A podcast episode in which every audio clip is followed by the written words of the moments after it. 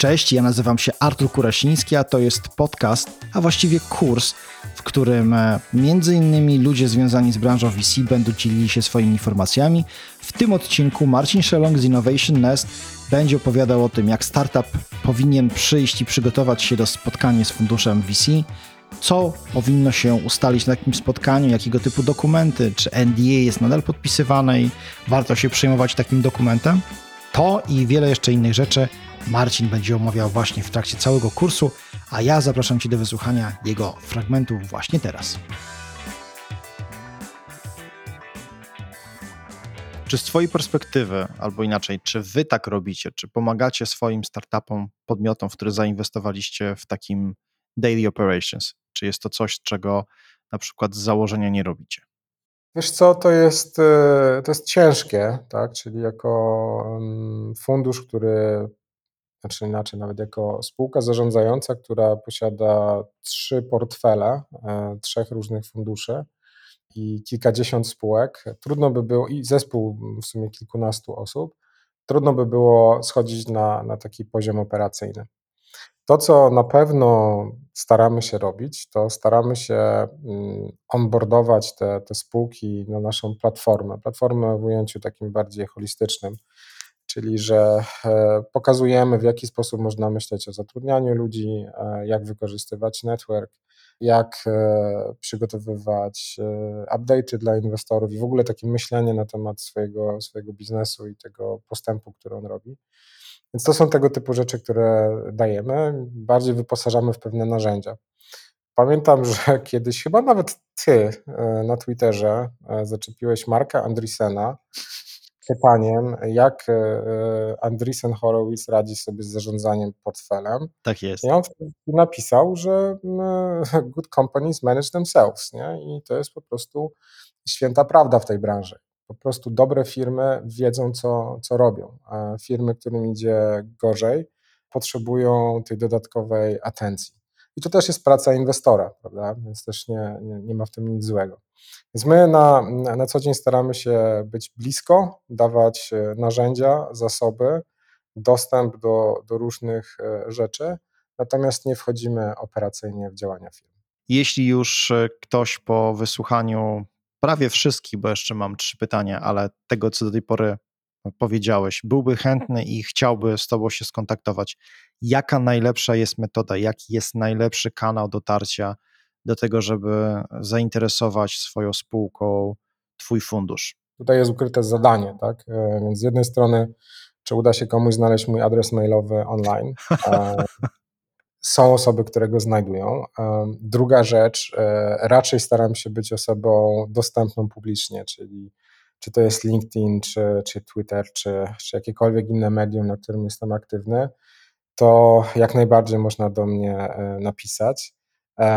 Oczywiście mamy stronę internetową, przez którą można też do nas napisać, e, przesyłając swój, swój pitch deck i wybrać osobę, z którą się chce mm, o nim porozmawiać.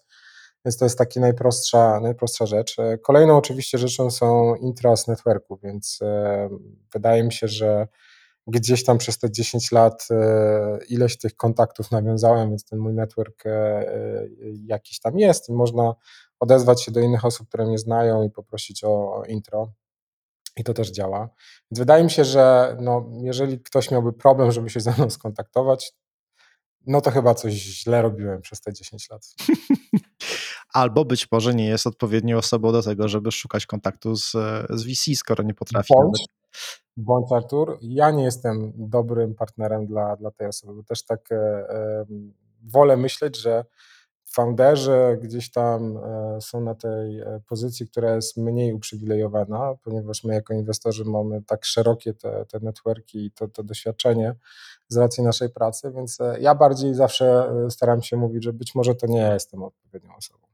Mhm. No, bardzo dyplomatyczne, bardzo dyplomatycznie określenie. Co jeśli pomimo włożonego ogromnego wysiłku ze strony funduszu, dobrego przygotowania startupu, firmy, świetlanej przyszłości, ale no niestety jednak po jakimś czasie okazuje się, że ten biznes po prostu nie ma szans pójścia. Jaka jest, jak zazwyczaj się wtedy, co się wtedy dzieje? Znowu jest, jest kilka możliwości. E, z reguły te rzeczy, które e, widzę w praktyce, to po pierwsze, spółce kończy się finansowanie i projekt czy, czy pomysł na, na, na firmę no nie doszedł do tego etapu, żeby utrzymać jakikolwiek zespół. Więc tutaj stosunkowo jest e, prosta decyzja, czyli po prostu dochodzi do zamknięcia danej firmy. Inwestycja się nie udała. Drugim, e, drugą możliwością jest to, że firma dzięki środkom, które pozyskała i które zainwestowała, no doszła do etapu, w którym e, te przychody są w stanie pokryć jakieś podstawowe koszty struktury i też zespołu. I spółka jest samowystarczalna, więc wtedy w zasadzie ma nieskończenie długi pas startowy i może próbować kolejne e, podejścia do, do, do fundraisingu, do pivotów różnego rodzaju. I to jest stosunkowo komfortowa sytuacja dla founderów, mniej komfortowa być może dla inwestorów, ale przynajmniej ten, ten statek płynie dalej. Trzecia sytuacja jest, e, jest trochę taką pochodną tej, tej drugiej, czyli że spółka e, doszła do pewnej skali, która już jest zauważalna, natomiast e, z jakiegoś powodu już wiadomo, że nie będzie z tego bardzo dużej firmy. I niezależnie od tego, ile by więcej pieniędzy ta firma pozyskała, nie dojdzie do IPO czy do jakiegoś statusu unicorna, który teraz jest wyznacznikiem e, takiego sukcesu. No i co w tej sytuacji? No w tej sytuacji w zasadzie e, trzeba znaleźć nabywcę na taką firmę. Rozpoczyna się procesy M&A e, i próby sprzedaży takiej, takiej spółki. Tutaj też no, wiele spółek jest sprzedawanych. Statystyki na rynku są różne. Czasami słyszę, że średnia wartość spółki, która jest przejmowana, to 20 milionów dolarów w Europie, czasami trochę więcej słyszę, więc to też pewnie nie, nie, nie ma empirycznych takich danych, na których można byłoby się super oprzeć, ale pewnie to nie są bardzo duże, średnio e, to nie są bardzo duże kwoty. I tutaj pojawia, pojawia się też szereg wyzwań i to też wiąże się z tym, co o czym rozmawialiśmy wcześniej z punktu widzenia tego, ile spółki powinny pozyskiwać, bo jeżeli nawet dojdzie do sprzedaży spółki za 20 milionów jakiejś waluty, a ta spółka na przykład pozyskała 20 milionów finansowania, no to ze względu na e, kaskadę zabezpieczania tej inwestycji, może się okazać, że zespół nie otrzyma nic, e, otrzymają wszystko inwestorzy, albo też w drugą stronę. Częścią dealu będzie to, że to właśnie e, zespół dostanie większość, a inwestorzy poniosą stratę. Więc tam są duże takie dynamiki wewnętrzne przy tego typu transakcjach.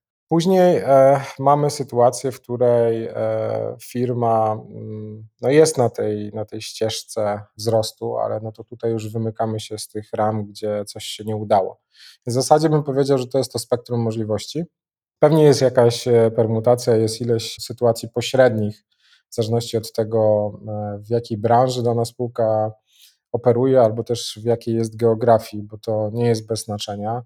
Rynek, rynek M&A w Polsce czy Europie Środkowo-Wschodniej, albo też nawet w ogóle w Europie nie jest aż tak duży, jak na przykład rynek e, M&A w Stanach, gdzie tych spółek jest bardzo dużo przejmowanych. Zwłaszcza w Dolinie, gdzie spółki przejmowane są dla samego talentu, dla, dla programistów i chodzą stawki, ile, jak wycenić spółkę per inżynier, e, który w niej pracuje co też tutaj ma duże, e, duże znaczenie.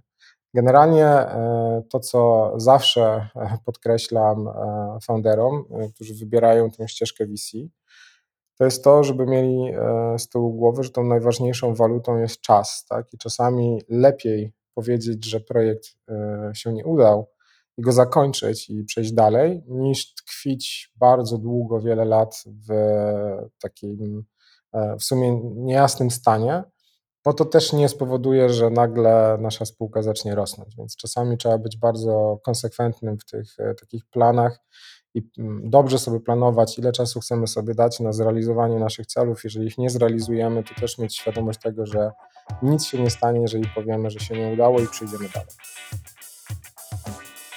Bardzo dziękuję Ci serdecznie za wysłuchanie tego wywiadu. Jest to mała część całości nagrania dostępnego pod adresem kursy.kurasiński.com Mam nadzieję, że teraz po zapoznaniu się z tym fragmentem klikniesz i kupisz całość. Jeszcze raz dziękuję Ci za uwagę i bardzo serdecznie zapraszam. Artur Kurasiński.